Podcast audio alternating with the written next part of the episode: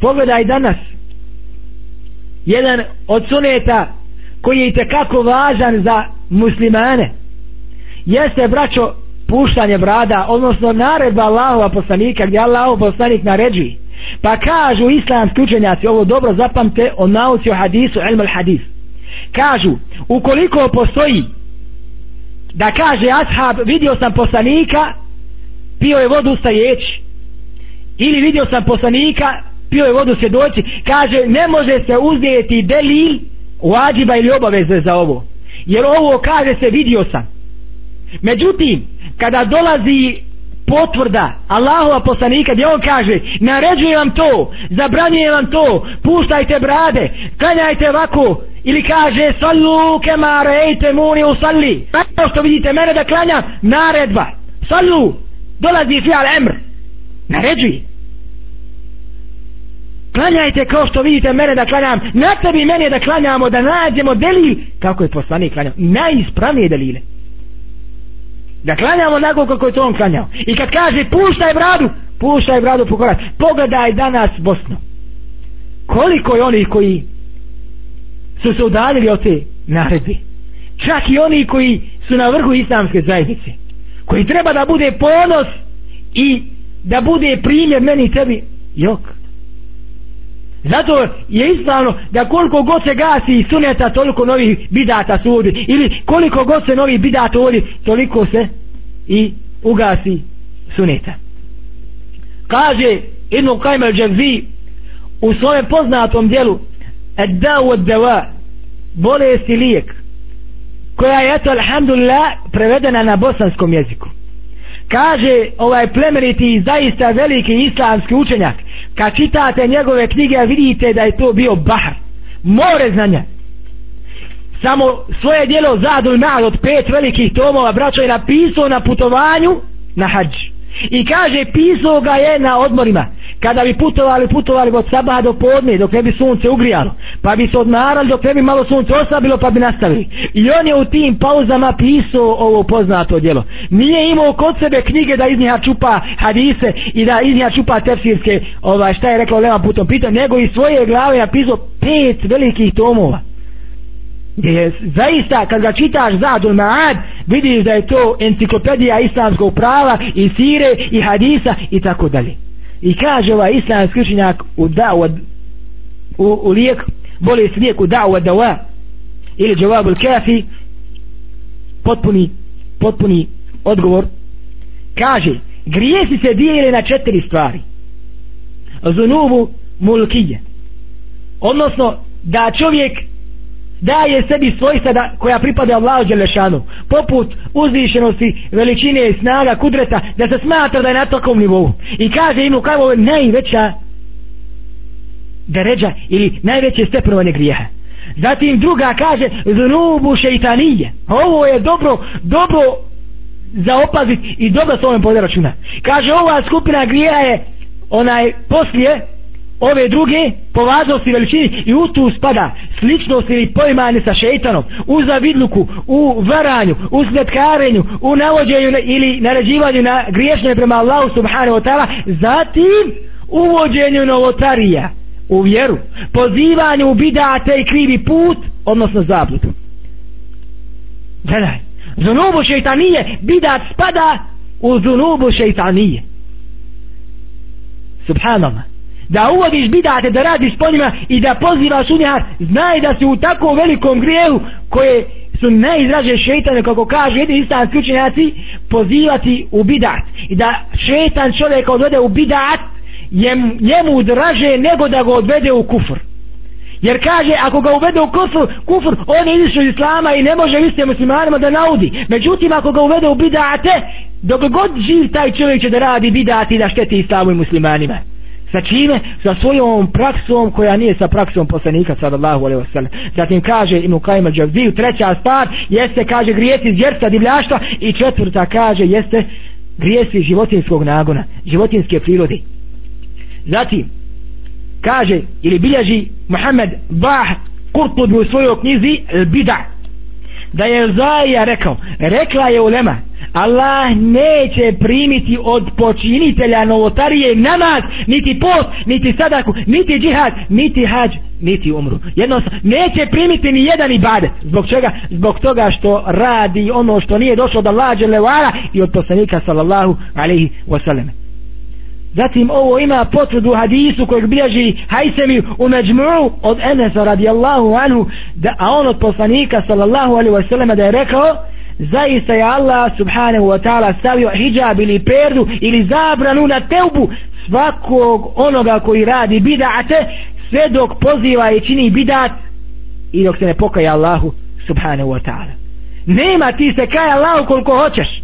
Neće Allah dželevara primiti tvoju teubu zbog toga što radiš bidate hadis bilježi taberani u Eusatu i ljudi koji prenose ovaj hadis sahih osim Haruna ibn Muse koji je sika koji je povjerio Znači, ljudi koji bilježe ovaj hadis, koji ga prenose od Allahov poslanika sa senedom, su sahih, osim jednog koji je sika, koji je povjerljiv. Nije na stepenu znači da je sahih, međutim, jeste na stepenu povjerljivosti. Zatim, islamski učenjaci su razdijelili bida na klase i fraze i razli se potom pitao, jedni su rekli ovako, jedni su rekli onako, međutim, mi smo izdvojili da se bida dijeli na tri vrste. Bida u ibadetu, ono, u akidi prvo, zatim u ibadetu i bida u halalu i haramu. Bida u akidi uključuje svaku dodavanje ili vjerovanje i uvjerenje koje je drugačije od vjerovanja Allahova poslanika i vjerovanja ashaba. Inače, kako kažu islamski učenjaci, braćo akida, kad se spomene riječ akida, svako se zabezekne strah, šta je sad tu akida kažu islamski učenjaci akida nije ništa drugo do imanski šartovi. Imanu Allaha. Zatim vjerovanje u meleke u knjige u poslanike u kader i ono što se događa i što se do, zbiva događa se sa Allahom Đelešanu odredbom to je akida i sa dodatkom onoga što je došlo od ashaba i od majke vjernika. Uglavnom je to akida muslimana. I ispravna akida ukoliko je to u tebe ispravno alhamdulillah se tenđah. Uspjećeš ako Bog da. Ukoliko ti je to pokvareno nema za tebe spasa i uspjeha. Znači da je akida ili bidat u akidi to da uzmeš i praktikuješ akidu ili vjerovanja ti bude drugačije od vjerovanja Allahova poslanika sallallahu alaihi wasallam. Zatim notarija u ibadetu ili bida ibadije jeste da na točno precizirane ibadete koji su došli od Allahova poslanika nešto dodaš ili oduzimaš. Bilo da se radi o abdesu u namazu, o namazu zekatu, ramazanu hađu, u bilo kojim ibadetima da dodaješ i oduzimaš to predstavlja ibadet bilo da dođeš da uzmeš abdest pa ga uzimaš pa pereš ruke četiri puta pa pereš usta ili nos i ispiraš po četiri, to već si uradio bida. Već se za razliku od Allahova Resula, jer njegova praksa je bila od jedan do tri puta, a ti si do do četiri. Zatim, bilježi imam Buhari u svome sahihu ne poduzima se putovanje ili posjeta osim radi tri džamije mesjid Mesjidul Haram, odnosno Mesjidu Mekki koji, u kojem je namaz vrijedan deset hiljada, odnosno stotinu hiljada puta, Zatim moj mesjid, ovaj mesjid u Medini, znači poslanikom mesjid je namaz vrijedan hiljadu puta i mesjidul Aqsa gdje je namaz vrijedan pet stotina puta. E sad zamisli ljudi produzivaju putovanja na razna dovišta, na razna mjesta gdje se veliča ako Allah dželevala, a Allah Đelešanu o tome nije ništa objavio. Čak što više poslanik kaže da se samo svedlaju jaholice zaradi tri slučaja. Kao što smo naveli. Zatim, isto bidati u halalu i haramu jeste da govoriš ono što je haram, ohaljaljuješ. A ono što je halal, ora, oharamljuješ ljudima. To su znači osnovne grane i granice obidati. E sada kada smo sve ovo naveli, kada smo sve sve ovo spoznali i dali na vagu da li može Mevlud da uniđe u ovu vagu koju smo naveli dokaze kao ono što je poželjno da se praktikuje u jedinu ili je to bidat pa kažu islamski učenjaci u usulu fiqhu ako dođe nas iz Kur'ana i nas iz suneta odnosno delil ili dokaz Kur'ana i dokaz suneta o nečemu mora da dođeš sa istim ili sličnim nasom za ono što ti radiš i praktikuješ i hoćeš da ozvaničiš. Dakle ako dođe kuranski ajet ili sahih hadis gdje nešto zabranjuje a ti hoćeš da to odobriš ili da tu praksu ostvariš što ti paše mora da dođeš sa sličnim kuranskim ajetom ili hadisom ukoliko ne dođeš ti si od onih koji rade bidate novotarije zato se kaže da razilaženje islamskih učenjaka je nekada dozvoljeno a nekada nije dozvoljeno. Pa razilaženje islamskih učenjaka recimo o tariku salah o onome ko ostavi namaz da li je kafir ili nije kažu islamski učenjaci ovo je dozvoljeno razilaženje. Ovaj ihtilaf je džaz je džuz dozvoljen zbog čega? Zbog toga što jedni i drugi imaju veoma jake argumente i iz Kur'ana i iz hadisa. I ne može niko da negira sad jedne i druge. Ihtilaf koji je dozvoljen. Ili recimo poput hijaba da li je nikab vađib ili je nikab sunnet? Oni koji kažu da je vađib dolaze sa jako jako jakim dokazima. Kad ih čitaš gotovo ne može biti niko da to prodri da to pobije. Međutim kada čitaš imama šeha Albanija što je on napisao i vidiš njegove dalile i dokaze lume koja smatra da je poželjna stvar sa šartovima naravno ako je fitna, ako je vrijeme fitne ako je žena lijepa obaveza hijab kaže šehu li sajmu te u njegovu vremenu u knjizi Aletul Hijab u ovom vremenu kaže je fitna. U njegovo vrijeme kad Ibn Taymi je živio. I kaže a šta da kažemo danas? Uglavnom dozvoljen je ihtilaf. Ali ima i ona ihtilaf kada nije dozvoljen. Primjera radi hadis koji se bilježi poznat hadis od Alije radijallahu anhu da je Allah poslanik vezao ruke ispod tupka namazu. Hadis je daif. Hadis je daif i ne može se kontrirati hadisima koji se nalaze u sahih Bukhari koji se bilježi od Bajra ibn Huđra da je Allah poslanik sallam vezao ruke na prsima ili ispod prsa. Dakle tu nema ihtilafa da je dozvoljen ihtilaf. Nego je postoji delil koji je jak i postoji delil koji je daif. I ne može se dignuti daif eh, hadis koji je daif sa daif hadisom. Pa kažu islamski učenjaci kada je dozvoljeno daif hadis podignuti na stepen hasena. Kaže ako dođe hadis daif po jednom lancu prenosilaca dolazi drugi isto tako daif isti znači sadržaj. I drugi lanac prenosilaca onda taj hadis diže na stepen hasena ili treći ili četvrti znači dolazi sa različitim putovima i sa različitim prenosilacima To je isto kako kad islam skučenjaci ako imate jednog čovjeka invalida i sakatog pa mu dođu dvojica sa strana ili trojica koji su isto tako invalidi ali mogu da hodaju, mogu se nekako kretat pa dođu pa, pa ga podignu pa odu do džamije. Nekako se teturaju. Podigne ga znači na stepen ispravnosti. Nije potpuno ispravno, ali eto. A kaže, ne može se udjeti hadis koji je bojiv, a podižu ga ili dolaze njemu daif hadisi u svakom tom senedu nalaze se ocjene odnosno ljudi koji su daif ili u svakom senedu se nalazi ista osoba koja je ocjena kao daif. To isto kažu kada jedan invalid na kolicima pa mu dođu dva sa strane ili da u kolicima hoće da ga podignu a sami sebi ne mogu da pomognu. Mora se znači poznati ti propisi kada se može postupati po hadisu i kada hadis je daif i kada je on se diže na stepen Hasana i tako dalje zbog mnošta puteva koji dolaze sa različitim senedima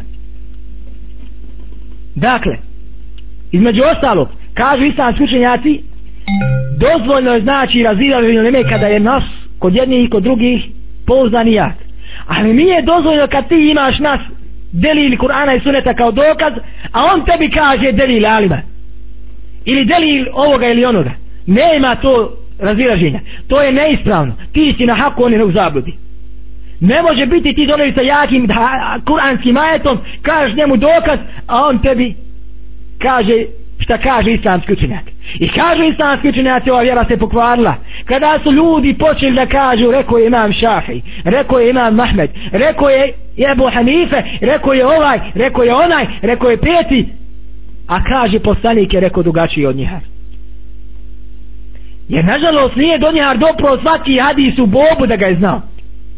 On je postupio po ono što je došlo do njega. Možda da ih po njegovom ocjeni sahih. Međutim nije ni on sve mogući ne uzubila niti je bio savršeni stručnjak hadisa kao što su došli posle njih. Zatim kažu islamski učenjaci isto tako da ukoliko znači dođe ti sa jakim dokazom kažemo dobro prihvatamo to. Nema dokaza halas odbija se to ne prihvata se. Kod mene je sene isto tako kad ti neko dođe pa kaže s ovom priča ova stvar ti kažeš je stvar koja je dozvoljena. U osnovi je sve dozvoljeno. A drugi kaže ova stvar je zabranjena. Onaj koji kaže da je zabranjeno neophodno je da dođe sa delimo ne da kaže ako je dozvoljeno daj mi delil ne, nego onaj koji zabranjuje mora da dadne delil jer u osnovi je sve zabranjeno osim ono dozvoljeno osim ono što nije zabranjeno. Na primjer alkohol je bio dozvoljen čak bio je dozvoljen čak i za vrijeme bitke na bedru. Pili ga ashabi. Pili ga ashabi čak jer je bio dozvoljen nije bila stroga zabra međutim dolazi dokaz Korana i da kad zabranjuje gotovo taj propis više ne važi. Danas ako kažeš čovjeku alkohol je haram on kaže halal. Na tebe da kažeš deli jer ti kaže da je haram. U osnovi je dozvoljen međutim ako postoji delil na tebe da ga kažeš. Zato znači kad stavimo sad ovaj mevlud ili čin mevluda u šarijat ili šerijatu rahman vidimo da on nema svoje mjesto kao ono što je došlo od ove lijepe vjere nego je to jedan koji mora da se iskorijeni i mora o njemu da se govori jedni kažu kaže imamo preča posla od toga da govorimo Wallahi, pogledaj koliko su oni ustrajni u Mevludu. Wallahi, ovdje je Azar, braćo. Azar je dao dva dana slobodno radi toga. Nemamo nastoje dva dana, evo. Zbog čega? Zbog praznovanja Mevluda. Azhar je dao da i usilo su bile manifestacije po svim većim mešidima. Mani Arabi to se naveliko spjevali stihovi. O ljubavi prema poslaniku. A vamo daju se fetve o zabrenosti hijjaba, zabrinosti hijjaba, davanju fetvi o kamatama i tako dalje. A mi volimo poslanika slijedimo ga. Vala haule vala kuvati ila billah. Zatim, sam braćo razilaženje oko mevluda u el bidaje on nihaje ćete naći kako bilježi Ibn Kesir razilaženje ogromno oko toga kada je rođen poslanik alaihi salatu wasalam čak ćete naći i u zapečaćenom dženeckom napisku da je to deveti deveti rebol awal. Deveti. A nije dvanesti. I on uzima dokaz islamskog ženjaka koji kaže deveti. Dok ćete naći da džumhur kaže da je dvanesti. Evo ti odmah je htilaf ne znaš kaj je rođen je devetog i dvanestog? Bilježi Ibn Kasir u El Bidaju Nihaje početak i kraj da mnogi smatraju da je to bilo čak u Ramazanu da ne bilo u Rebul Evalu da je to bilo u godini slona, odnosno kada su došli da sruše Kaabu kada je Ebreha poslao svoju vojsku. Jedni kaže da je bilo 40 godina prije slona. Jedni kaže da je došlo poslije ogroman ihtilaf. Ne zna se tačno koje godine i kojega dana je rođen poslanik u Bobu, postoji džumhur, većinsko mišljenje, ali postoji ihtilaf. I niko nema dokaza koji je sahih da kaže poslanik rođen sam tad i tad. Hadis koji je sahih 100%. Nema ga. Dakle, pošto nisu stvari utemeljene zbog čega to da radimo zatim pogledajmo u jednu stvar ukoliko smatramo da je to dozvoljeno pored svih ovih ajeta i hadisa koji su sahih 100% i koji imaju svoje argumente i svoju težinu pogledajmo na jednu stvar da li je Allahu poslanik sallallahu alaihi wa sallame prostavljao svoj dan rođendan kad se on rodio a sigurno je poslanik znao kad je rođen. Ako ne bi znao, pitao bi Džibila. Ako ne bi Džibil znao, pitao bi Džibila Allah, pa bi Allah rekao, Allah poznaje ti si rođen taj dan, ako bi to bilo važno za muslimane. Međutim, nije bilo važno, nema potrebe za ti. Allah poslanik preselio ashabi, činili melu njemu. Ne, vallahi, nema ni jednog zabilježenog re, reda ili rečenice da su oni prostavljali dan rođenja Allahova poslanika, alaihi salatu wasalam. Pa zbog čega, ako Allah poslanik nije to radio, niti je ostavio oporuku da mu se to radi, i nisu to najbolja generacija koja je učila od najboljeg šeha i učitelja i mudarisa Allaha poslanika, nisu, nisu radi, pa zbog čega ja i ti da radimo? Pa kakava nam nagrada ili kakav sebe bol na tome? trošimo novac, trošimo vrijeme, Zbog čega? A imamo samo mržnju od Allaha subhanahu wa ta'ala. Jer je zašto? Zbog toga svega onoga što smo naveli prije toga da se ne vraćamo nazad na ders. Pa kažu islamski učenjaci o učenju Kur'ana, na primjer, primjer radi, gdje kažu jedni da je dozvoljno mrtvome učiti Kur'an. Dok imam Šafi'i i ostali kažu da je zabranjeno mrtvome učiti Kur'an. Pa kažu oni koji kažu da je dozvoljno mrtvo normalno bez naknade, bez plaćanja se govori. Bez plaćanja, znači ovi što kažu dozvoljno učiti mrtvome Kur'an da odeš i babi svome pručiš jasin, ha? ili Kur'an čitav i tako dalje. I da pokloniš se vape tog vremena ili tog učenja za svoga babu. Kažu jedni islamski učenjaci da je to dozvoljno i to svačaju uzimaju kijasom, odnosno analogijom na taj način što kažu ako može da čovjek podijeli sadaku za svoga umrlog babu i da obavi hađ za svoga umrlog babu zbog čega ne bi mogao da uči, prouči Kur'an za svoga umrlog babu. I to je njihov delil. Nema nijednog delila iz, iz Kur'ana ti suneta da je to dozvoljeno. Međutim imam šafe i oni koji smatraju da to nije dozvoljeno imaju delil. Delil kakav? Imaju praksu Allahova Resula zbog čega? Poslanik alihi salatu wasalam imao ženu koja se zvala Hadidja i ona je preselila Allahu Đelešanu umrla. I nije Allah poslanik njoj učio Kur'an, niti hatme, niti se sjećao po jasinima. Zatim Allahom Rasulu umire sve kćeri osim Fatime, tri mu umiru, ostaje samo Fatima za njegova života i nije im učio Kur'an, niti hatme, niti jasine predavo i tako dalje. Ha? Zatim mu njegov Hamza preselje na Uhudu, šehid, i nije mu učio, drag, volio ga, štitio ga, ali mu nije učio hatme i jasine. Nema toga. Zatim, dragi ashabi su mu uselili sa ovoga svijeta, pa im nije učio hatme i jasine. Zatim, preselila, ili preselio je njegov sin, koji se je zvao Ibrahim, koji je imao nepune dvije godine. Ruža, koji bi donosio Aiši i pokazio bi od kojeg je volio i kojeg je plakao držeći ga u hropcima u časima smrti Međutim, nije mu činio jasine i hasme zbog toga. Niti su ashabi kada je Resul sallallahu alaihi wa sallam umro. Kada je poslanik preselio, nisu se okupljali njemu činili hasne Ni plaćali, ni bez plaće, nikako. Jer su znali da to ne pije vode. Znači, delil je na strani oni koji kažu da se nauči, da se nauči kuran za umrle. Bez obzira što ovi kažu analogijom ili kijasom. Međutim, kijas dolazi kada? Kada ne ima kuranskog ajeta ili dokaza i suneta i iđma. Ali postoji delili suneta poslanika njegove prakse i ima iđma ashaba i niko se nije od toga razredinio. I kaže šta je iđma? Iđma je ono kada imaš stotinu ljudi ili stotinu učenjaka i daje im se jedna mesela i svi stotinu se ujedine na jednom pitanju, to se zove iđma. Postignut je znači konsenzus. Ukoliko samo jedan kaže ja se ne slažem nema iđme. Nema konsenzusa islamski učenjak znači ako je došlo od poslanika ali islam da je on radio mevlut da su sahabi radni kažemo mi radimo isto tako. Međutim ništa od toga nije praktiko niti Allah poslanik niti ashabi ridvanullahi alejhi niti je to došlo iz kuranskih ajeta niti hadisa čak što više dolazi ono što, što, što odgovara žestoko njima u prid. S tim zaključujemo da je mevlud jedan pokvareni bidat svakako. Jedan kaže brat onaj kaže nemoj osuđivati mevlud osuđuju harame koji su u mevludu a pa mene ne zanima haram koji je prisatan u mevludu mene zanima ono što je zabranjeno zabranjen je novotarija i ništa drugo mene zanima više makar ti tamo sve u šarijatiju radio po šarijatiju na tome ludu, međutim on je bida gotovo ne prima se ne pije vode Pa kažu mi volimo Allahova Resula.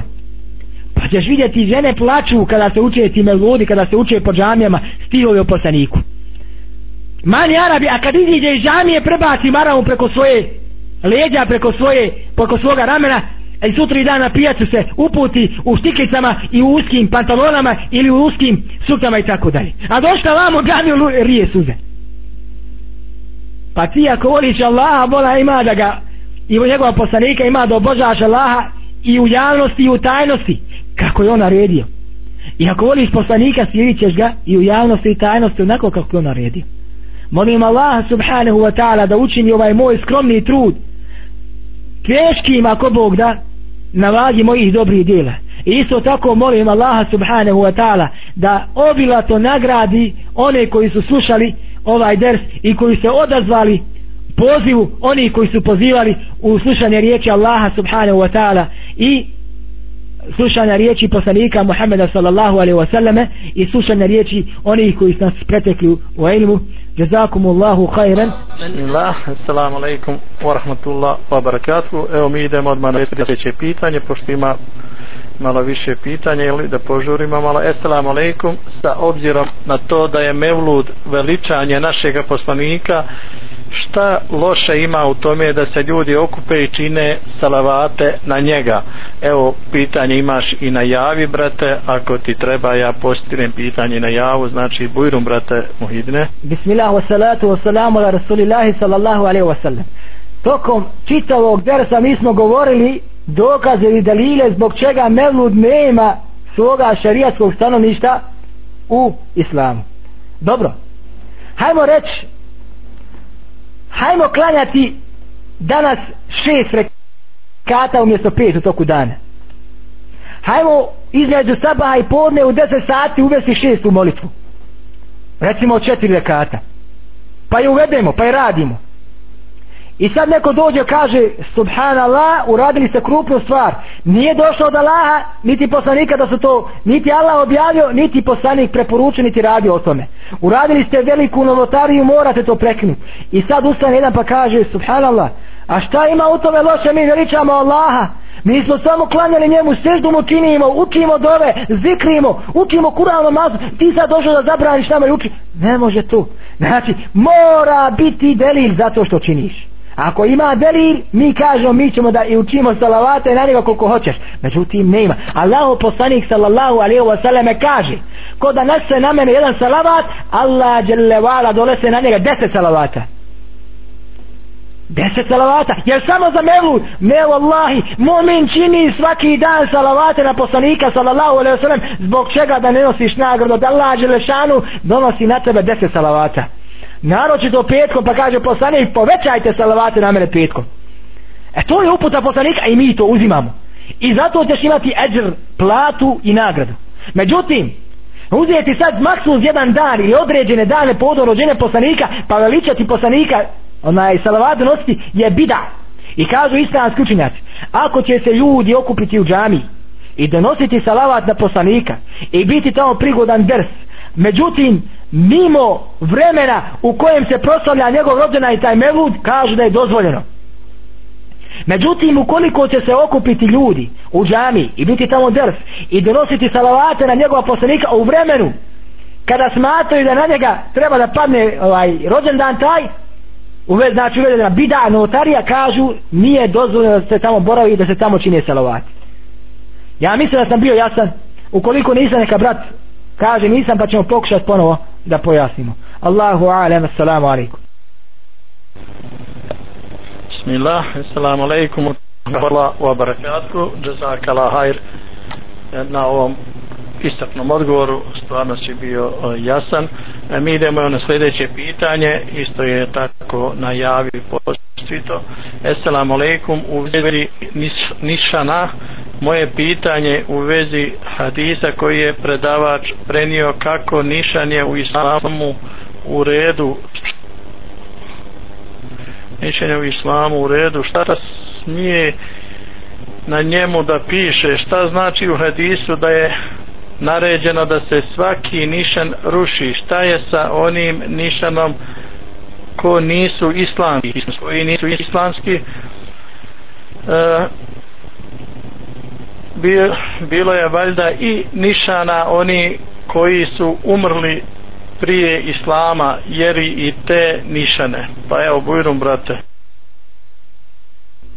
Bismillah wa salatu wa salamu ala rasulillahi salatu sallallahu alaihi wa sallam hadis bilježi ima muslim od Ali radijallahu anhu koji kaže na redu mi je poslanik sallallahu alaihi wasallam da ne ostavim ni jednu kipa a da ga ne porušim niti jedan kabur a da ga ne sravnim. Niti jedan kabur da ga ne sravnim. Znači da je Alija radijallahu anhu u Medini porušio sve kabure sve znači kipove koji su bili kaburove tako da nije ostao jedan kabur a da ga nije sravnio sa zemljom. U hadisu se navodi arapski izraz koji znači izjednačiti. Znači kabur sa zemljom da ništa ne bude. Određeni islamski učenjaci kažu da je dozvoljeno da bude kabur uzviša za jedan pedalj. Za jedan pedalj samo. Iz toga hadisa islamska ulema kaže da nije dozvoljeno ništa graditi kao što smo ga naveli prije u hadisu da Allah poslanik sallallahu alejhi zabranio. Kad kažemo neha znači da treba dobro otvoriti uči šta je to zabranio poslanik i da se toga klonimo? I kad kaže emre šta je to naredio pa da to radimo? Pa kaže poslanik je zabranio da se kreće. Bijeli farbaju i tako dalje kabrovi da se na njima sjedi i da se na njima zida. To su konkretne dvije zabrne jedna koja je upućena da je zabranjena i druga koja je upućena ali da to se poruši. Dakle nije dozvoljeno da se kabur uvedlja više od pedlja. Niti je dozvoljeno išta postavljati poput nišana i pisanja po njima. Osim jednog kamena od prilike koji je recimo veličine pedlja da se označi gdje se kabur nalazi. Da se označi gdje se kabur nalazi i ti znaš gdje je kabur tvoga babe, tvoje majke ili tvoje sestre i tako dalje. I na kraju krajeva ako hoćeš da ga očistiš da posjećeš travu ili korom možeš doći da posjećaš i da očistiš. I ako hoćeš da posjetiš da znaš kad si ga posjetiš gdje je to i da posjetiš da nazoveš selam kako donosi u islanom hadisu prije islama je svakako bilo tih kabura koji su mušički i tako dalje. Pogledajte šta su talibani uradili u Afganistanu. Talibani su srušili budu koji je bio on je predislamski srušili se zbog čega? Zbog toga što je to vid ili manifestacija širka. Mnogi su to usudili kaže što su rušili? A sahabi su kada je bili u Afganistanu pa nisu rušili. Jesu bili su u Afganistanu a sahabi imali topovi oni bi rušili. Nego nisu imali topova bolan. Gdje da on ostavi jednu takvu idolatariju da bude 15-20 metara u visinu? Porušili su oko kipovi oko kabe da ne čuše vam ovo što je 30 metara u visinu znači rušili su i ashabi Allah poslanik kada je došao u, kada, se, kada je bio Fethoj Meka, kada se oslobodna Meka porušio 360 kipova koji su bili u Kabe. Što znači rušio je što je bilo prije Islama, što je anti-islamsko i što ne liči na Islam. Mijenio je. Jer imao je emr i imao je naredbu od Allaha subhanahu wa ta'ala. Pisanje po nišanjima, jedni kaže dozvoljeno kaže da nije, oni koji kaže da nije dozvoljeno, uzmaju ovaj hadis gdje kaže se da nije dozvoljeno da se znači kreći bijeli ili farba i tako dalje kaže ovo je delil da se ne smije pisati po, po onim kaborovima ili po nišajima a nišan se stavlja kaže u veličini jednog pelja toliko da se obilježi kabru gdje je. Nemoj ti sad biti tamo čaši da kupiš nišan od metar od najskuplje granita da će platiti 300 maraka bolje ti je da za majku dadneš 300 maraka da, da se iskopa voda. Kaže Allah Đelešanu u Kur'an il Karimu u suratu A'raf spominje stanje stanovnika dženneta i spominje stanje stanovnika vatri pa kažu stanovnici vatre stanovnicima dženneta prospite na nas malo vode i drugih blagodati koje nam je Allah dao. Kaže Kurtobi u svome tefsiru ovo znači kada će kaže biti da čovjek da je u najvećim patnjama on ima potrebu za hranom i za pićem.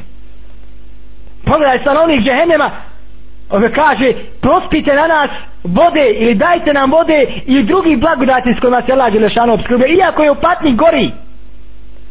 Traži isto tako čovjeka. Ako ga staviš na zla mučiš ga, patiš ga on opet hoće da jede i da pije i kažu islamski učenjaci uzimaju propis iz ovoga. Kažu vidimo da prvo što straže stanovnici džehennema od stanovnika dženeta jeste voda. E zbog toga je kaže voda najljepša sadaka. Najljepša sadaka i kako dolazi u hadisima da bi došao čovjek pitao Allah posljedniče umra mi majka. Sad imam rokat šta da radi kaže iskopaj za nju vodu. To je njoj sadaka. Iskopaj vodu.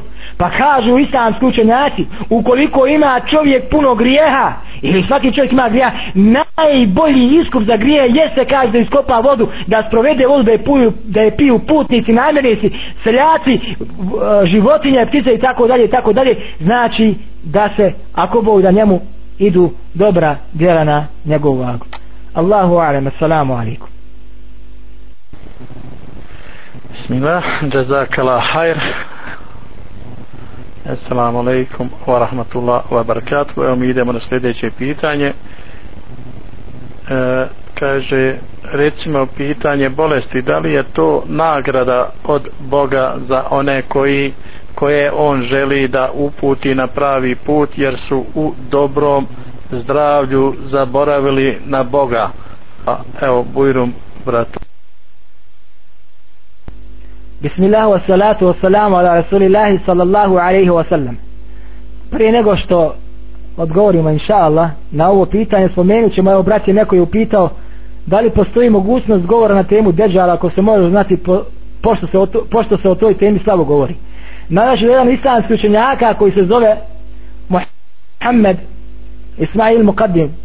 Poznati egiptovski alim ovdje onaj Idaja koji je isto tako napisao knjigu koja zove Nikabu Vađib koja je izuzetno jaka i napisao knjigu koja zove El Mehdi.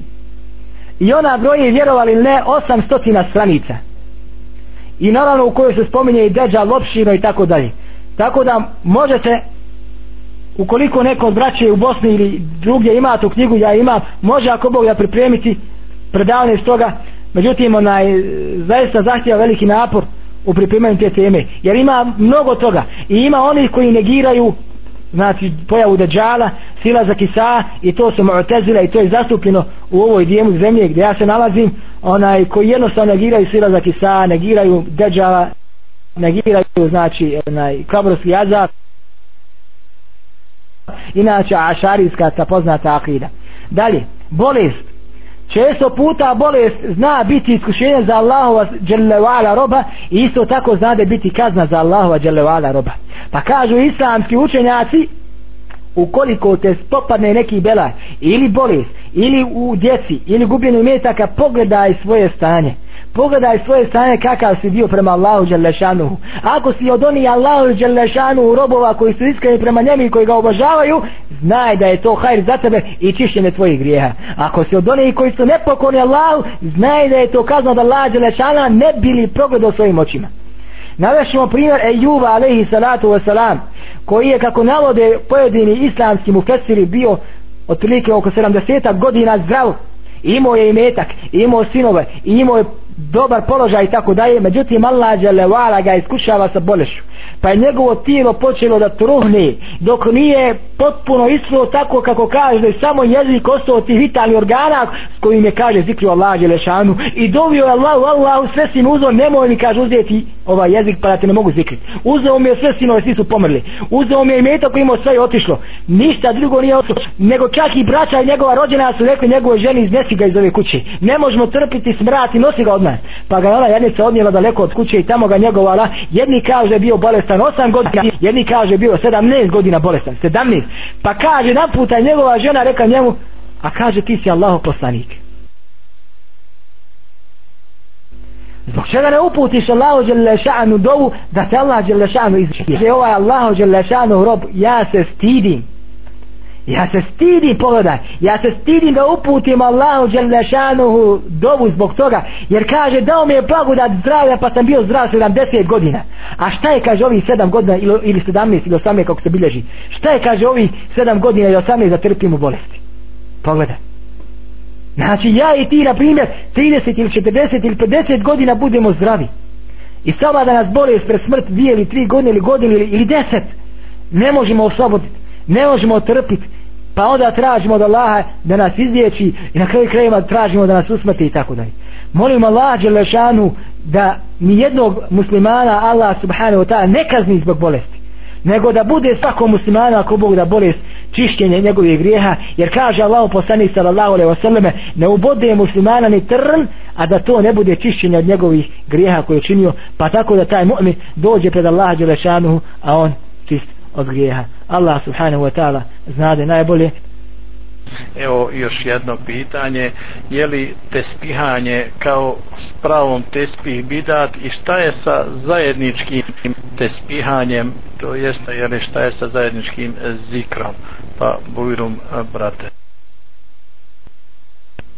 Bismillah, wa salatu, wa salamu ala nebina Muhammed sallallahu alaihi wa sallam. Što se tiče zikra poslije namaza, u osnovi u osnovi, dobro razumite u osnovi je zikr poslije namaza sunnet. Praksa Allahova poslanika i isto tako ashaba. Međutim činiti ga zajednički da mu jezim na neki način potiče one koji su klanjali da kažu toliko i toliko puta to i to, to, to je bida. To je novotarija. Praksa Allaha poslanika sallallahu alaihi wasallam je bila da bi svaki pojedinačno zikrio poslije propisanog namaza. Poslije namaza koji su bili maktub odnosno propisani kako se navodi u hadisu a ne poslije svih namaza. Pa kad dođe salatu liša ili jacija namaz odeš u bosanski džemat u Bosnu pa tam pogledaš tamo se klanja sve sareda i vjetr pa se onda posle toga vitri, zikri međutim prasa praksa Allahova Resula i njegova uputa jeste da se odma poslije propisanog namaza odnosno farba obavi zikr. Na file kako dolazi u hadisu je efdalnije da se klanjaju u kući.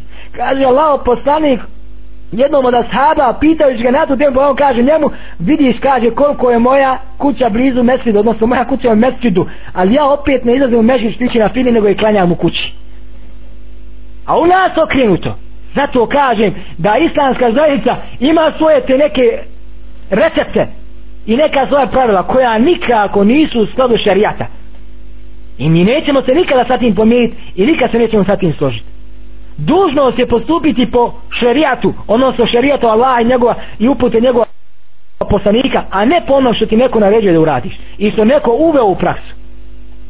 Znači pojedinačno se čini zikr na ruku desnu ili na prste desne ruke. Ima ihtilaf kako se čini taj zikr na prste. Da li se svaki prst znači palcem odnosno kaži prstom jel? Onaj dodirne po tri puta i tako dalje ili se kaže na svaki prst svaki prst po tri puta ne dodirujući izgovaraš Allahu Akbar, Subhanallah, Alhamdulillah, Subhanallah, Alhamdulillah. Izmjenično, ili to prvo govori Subhanallah, Alhamdulillah, Allahu Akbar, znači to da se po krugovima. Ima ihtilaf po tome. Da li je tespih bida ili tespih nije bida? Ima o tome u Ibn, Ibn Taymiye, u Fetava, govori po tom pitanju malo opširnije i on navodi neke, neke postupke da su u vrijeme Allahov poslanika ljudi neki na kamenčiće radili zikr. Međutim, mi uzimamo, kao što smo rekli, uzimamo praksu Allahova poslanika.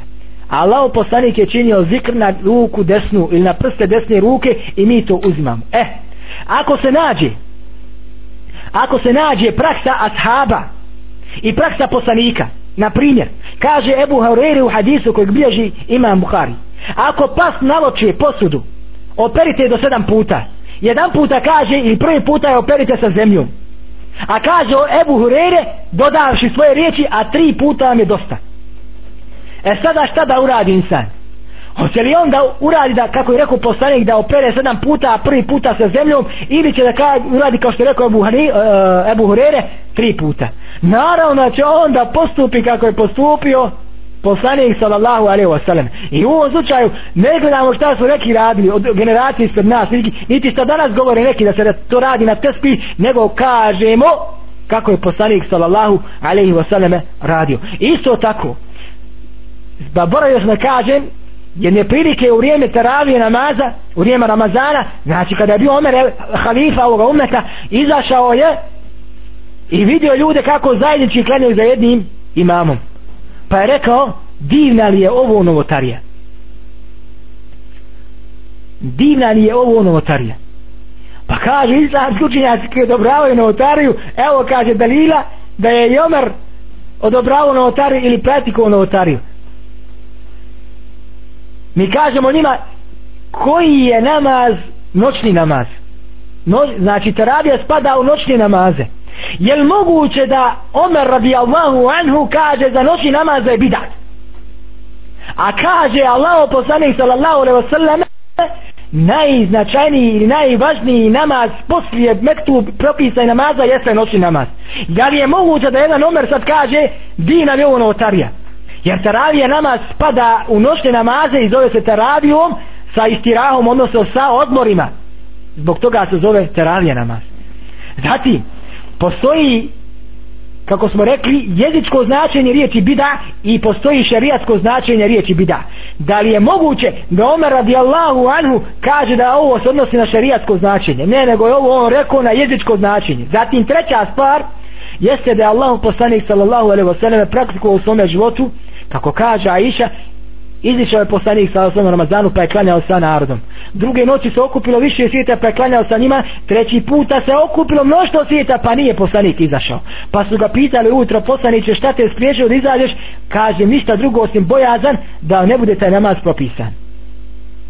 Navodi se da je Ebu Bekr radijallahu anhu nije praktikovao teravije kao što to nije prethodni poslanik, da se klanja svaku noć. Dok nije došao Omer radijallahu anhu i onda svakom naredio Ali i, i naredio Ebu Kabu, Kabu da budu imami u džematima. I posljednog imama je ozvaničio za klanjanje ženama. Znači ovo je praksa Omera radijallahu anhu. Pa sada se stavlja na vagu praksa Omera i praksa Allahova Resula šta je teže? Da li ćemo postupiti po praksi Omera radi Allahu anhu ili po praksi poslanika? Allahu poslanik mi postao jednom klanio dvije noći klanio treće nije izišu. A Omer svaku noć klanio sa ashabima.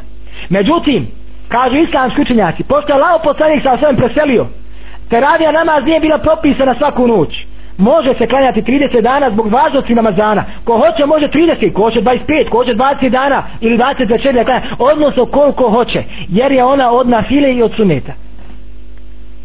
Znači kako ko želi da klanja neka klanja. Ako hoće da u upotpuni 30 nije bida jer je poslanik ima znači korijen u praksi poslanika jer je poslanik ali i salatu wasalam klanjao taj namaz. I od, taj odna namaz ima svoje korijenje. Međutim mevlu nema korijena nikako. Ne može se to mjeriti sa ovim i sa onim.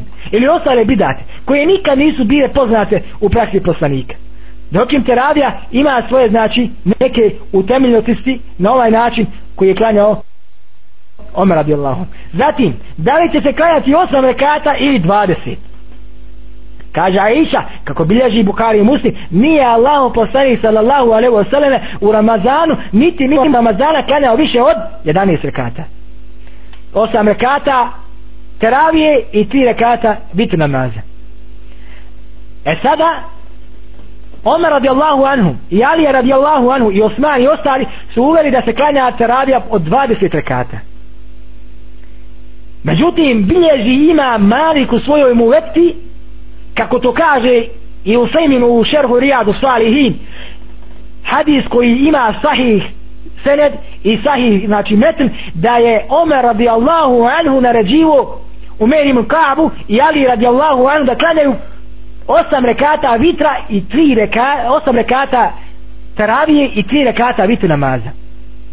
Zbog čega je se to popilo na 20 i kako kaže ima Malik po njegovom mezovom mišljenju 36 ono kako je bila tada praksa u njegovom vremenu u stanovnicima Medine. Jer je poznato u mezovu ima Malika se uzima praksa stanovnika Medina uzima se praksa stanovnika Medine kao valjana delir u njegovom mesebu neki su rekli da se klanja 20 i, i 20 rekata neki su popinjali na 24 neki do 36 rekata. Međutim to sve ne ima utemeljenosti osim ono što je došlo sa sahih senedom zabiljeđeno u Buhari i Muslimu da je od sunjata klanjati 8 rekata plus 3 vitra.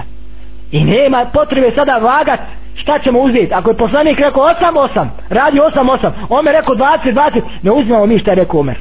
Ako je poslanik rekao drugačije. Kako kaže Abdullah ibn Omer, jedne prilike je rekao svojim sinovima nemojte zabranjivati svojim ženama ili ženama e, da posjećuju mesčide pa je rekao njegov sin vallahi zabranit ćemo ih. Pa kaže kako se navodi predaj kaže ovaj prenosilac ovaj nisam kaže nikad čuo Omera Abdullah ibn Omara da ikad žešće kaže proklinko njega osim tog svog sina. Kaže ja ti kažem šta je rekao poslanik a ti kažeš mi ćemo zabraniti nema odstupanja poslanik rekao ovako, ovako ćemo raditi tako znači se postupa u Allahu je Đelešanuhu vjeri. Međutim pošto postoji hadis gdje kaže se da je uzmite moj sunet wa suneti hulefa i rašidin znači uzmite moj sunet i uzmite sunet islami halifa koji će doći poslije mene. Pa kaže islam slična je dozvoljno postupiti po uput ili praksi halifa.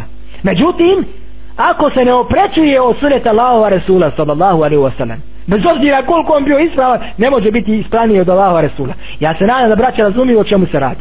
Znači prvo je govor Allaha govor poslanika zatim dolazi govor ashaba. Ako nije ništa zabilježeno na tome nema u Kur'anu nema u hadisu e hajmo vidjeti kako su to praktikovali ashabi. Ako ima delilo da ashaba to uzimamo ne gledamo u tabeine i ti ne gledamo posle onih koji dođu posle tabeina pa imami pa ovi pa oni nego gledamo znači po vrsnom redu kako bi kazali u Sloveniji. Po znači zaporedu tom nekome. Mora se gledat ko ima prednost da priča ko ima prednost da govori. To je govor Allaha prvo pa zatim govor poslanika zatim govor ashaba zatim oni koji dolaze posle njih. Molim Allah Želešanu ove pitanje ima je u redu vidite kada dva pa jedan potpuno ispravno kako se navodi u hadisu odnosno hadisma u sahih Buhari i Muslimu da je Allah poslanik sallallahu alaihi wasallam klanjao noći namaz po dva rekata da bi predzorju završio sa jednim. Znači jednim rekatom na kojem je predao selam i tako dalje. Završio bi sa jednim.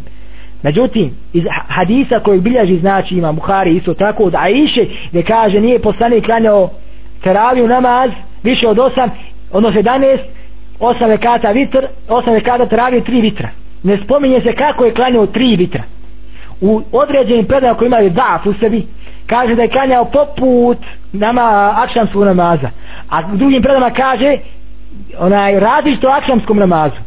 Pa je ispravnije ako čovjek klanja zajedno tri rekata vitra namaza da znači to uradi dva pa jedan ili da klanja zajedno tri bez sjedinja bez sjedenja drugog znači da preselami samo sjede i preselami na trećem rekatu a Allah dželle wa'ala znade najbolje assalamu alaikum wa rahmatullahi wa barakatuh eh, Bismillah, jazakallah khair, brate Muhidina na ovako istrpno odgovoru. Evo ne znam eh, da li eh, ćeš odgovoriti na ovo pitanje. Da li mogu kupiti kuću na kredit pošto nema sredstava u gotovini, niti znam nekoga ko bi mi mogao posuditi bez kamate. Bismillah. Wassalatu wassalamu ala rasulillahi sallallahu alaihi wasallame. Mi smo govorili po tom pitanju dosta puta je postavljao pitanje dok sam bio još u Sloveniji ljudi koji rade gore ne znam gdje ovaj brat radi da li je u zapadnim zemljama ili je negdje u Bosni. Onaj najčešće ljudi koji žive u izvan znači u Belgiji znači koji žive izvan Bosne i Hercegovine kada ima više gore sredstava najčešće posežu za kamatu zanima me gdje ćeš kupiti kuću? Hoćeš kupiti u Belgiji ili negdje u islamskoj sredini? Neka brat odgovori gdje to namjerava kupiti kuću. Da li namjerava kupiti u Belgiji ili negdje u islamskoj sredini? U Belgiji. Brate dragi islamski učenjaci su se složili na tome da nije dozvoljeno musliman da boravi u nevjeničkoj sredini. Osim u četiri slučaja.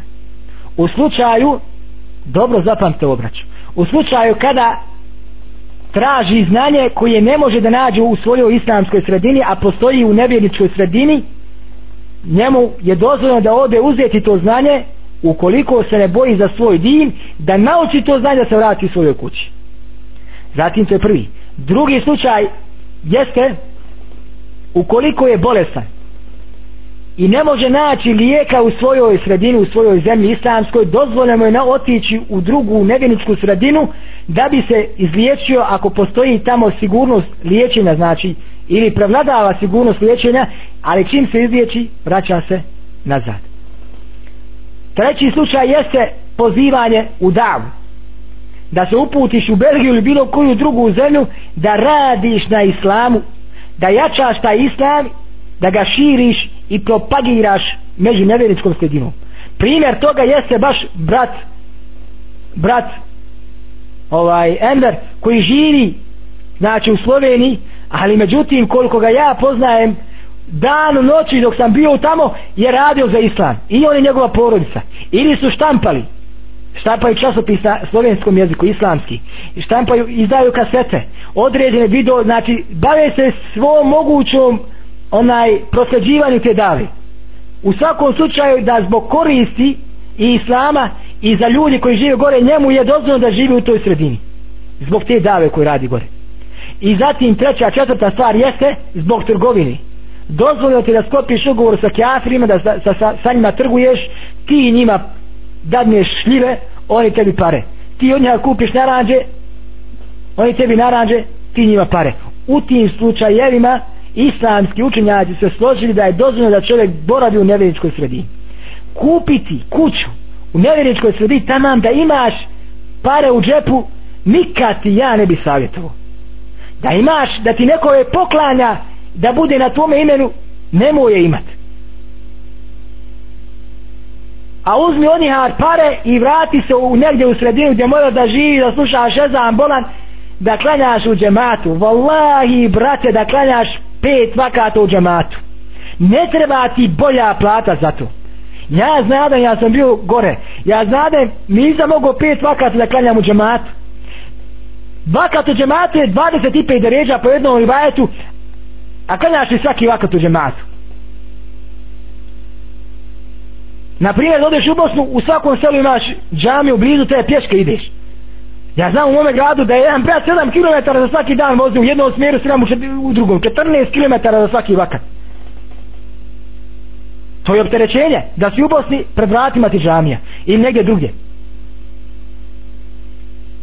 Dakle, ukoliko ti onaj želiš da kupiš kuću, kupi je bez kamate.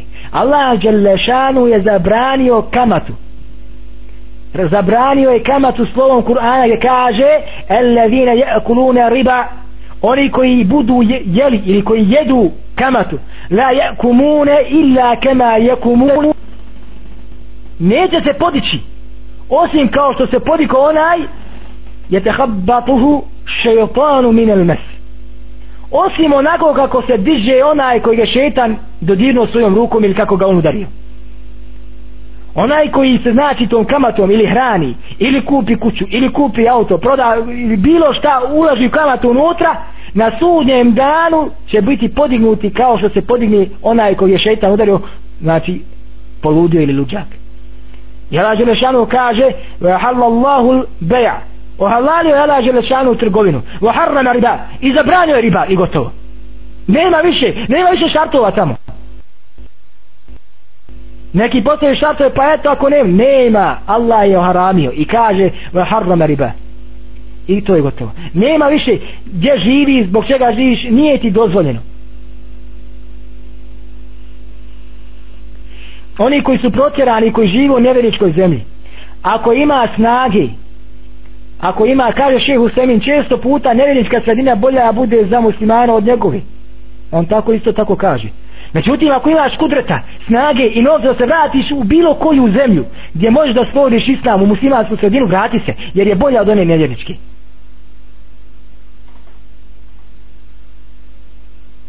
Ne znam da li da odgovorim na ovo pitanje, probat ćemo inšala da brate evo onaj koji je postavio kako se znači bira, kakvi su kriteriji islamske zajednice. Da i to odgovorimo da brat bude zadovoljan inša Allah. Brat koji je pitao za kamatu haram, nemo ulaziti u kamatu, bolje ti je da budeš bez prebine pare. Ja, brate, sam bio u Sloveniji, nisam imao svoga stava, plaćao sam kiriju, mogao sam uzeti kamatu. Ali ja znam da je moj gospodar to zabranio.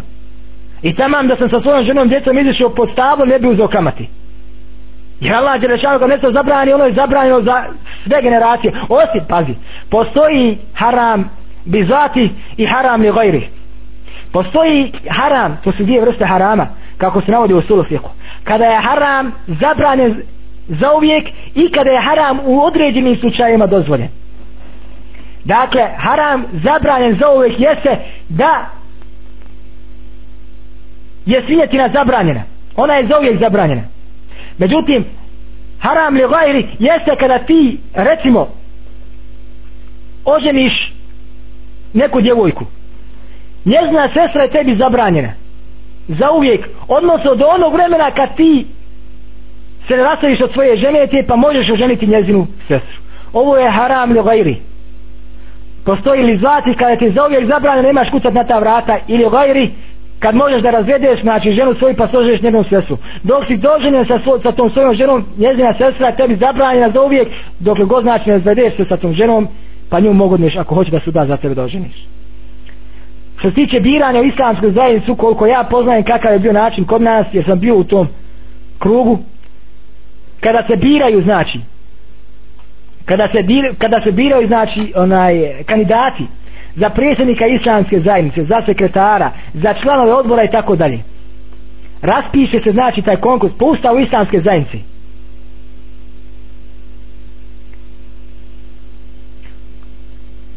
Ko nema mogućnost da kupi za neka posudi novac. Ako je neophodno mu potrebno da kupi kuću neka posudi taj novac od onoga ko može posuditi. Nemoj reći nema takvog. Ima ja znam za jednog brata koji je prisutan ovdje u sobi koji je muku mučio da je posudio. I on zna da najbolje kakve je muke protepljivo dok je bio prodavao svoj stan a vam je već dao bio onom kapor se kaže. Kapora propada a vam nije prodao stan neće ga da kupi. Pa je Allah Đelšanu dao mu mahrađ, dao mi je izlaz jer Allah Đelšanu kaže ko se bude bojio Allah Allah Đelšanu dat ne eh, mahrađ, dat će mu izlaz i svake situacije. I obskrbit će ga da se ne rada Samo mora biti takva. Mora biti ta takva. Jer, braćo, vallahi, radi grijeha dolaze belaji problemi. Čišćenjem grijeha, kada čovjek pokoja laže šan Allah, dželle wa mu daje izraz, daje u mahrać. Što se tiče biranja u islamsku zajednicu. Islamska zajednica znači kada se dođe četiri godine, kada prođe, raspisuje se, znači, za sve džematlije, znači članove islamske zajednice, to su oni koji plaćaju članove i tako dalje. Za biranje u znači džematski taj odbor. Imaju tamo uvjeti da osoba koja znači kandidije znači ti moraš doći predložiš neko da bude u džematskom tom odboru. Mora biti obrazovana najmanje ne znam srednja škola mora biti islamski proisvjećena mora biti morala znači imaju ti šartovi. E sad ti odeš predložiš. Predložiš se spisak ljudi od deset ljudi. Četvorica četvorica znači ili petorica ili šestorica koliko već ulazi za džematski odbor od deset se biraju. Pa sad bude glasanje dolaze znači sad glasaju naštampaju se listovi i na tim listovima su imena ljudi koji ulaze u džematski odbor. I sada recimo ako deset ih ulazi deset ih ulazi znači sad sam taj džematski odbor koji je izabran nakon tih izbora deset ljudi koji su izabran biraju predsjednika džematskog odbora biraju znači članove biraju sekretara biraju blagajnika između samih sebe. To je ono što ja znadem odnosno što sam čitao u statutu i sam znači što su ih sproveli u praksu u mome gradu u Sloveniji. Ovdje vidim i na javima što se čovjek treba da uradi u slučaju kad roditelji kažu da se kupi kuća na kredit ili se odreći ovoga sina zbog toga što sin neće da uzme kuću znajući da je to haram. Eto vidite ja im, sam, imam sljedeće pitanje ovaj, pa ja ću ga evo pročitati i to je bilo zadnje pitanje koje sam ja odabrao za večeras. Bismillah salatu wassalamu ala rasulillah. Mi smo u dersu opštinu o tome govorili pa mogu se neke točke iz toga izvući ona neke pouke. Onaj ne bih ja savjetuo ne poznaje niti sredine u kojoj to se razlikuje od svake sredine u kojoj se živi. Kaže Ibn Kajim al-Džalzi nije dozvoljno mufti da dadne fetvu za zemlju u kojoj ne živi. Znači one znači fetve odnosno stvari koje se tiču pogotovo ovih odnosa između ljudi i tako da sviše ibadata tu nema govora. Ibadat ili ibadat on, on je jednak bio on u Egiptu ili Saudiji ili u Bosni i Hercegovini. I on može dati fetvu. Međutim što se tiče davetske angažovosti tretmana taktike kako je zastupno sve to neka urade i neka pita onoga koji živi u njegovom gradu, u njegovoj sredini, neka se savjetuje sa njim i on će ako Bog da vjerovatno mu dati najbolji odgovor kako da postupi. Da vas Allah nagradi najboljom nagradom. Assalamu alaikum wa rahmatullahi wa barakatuh.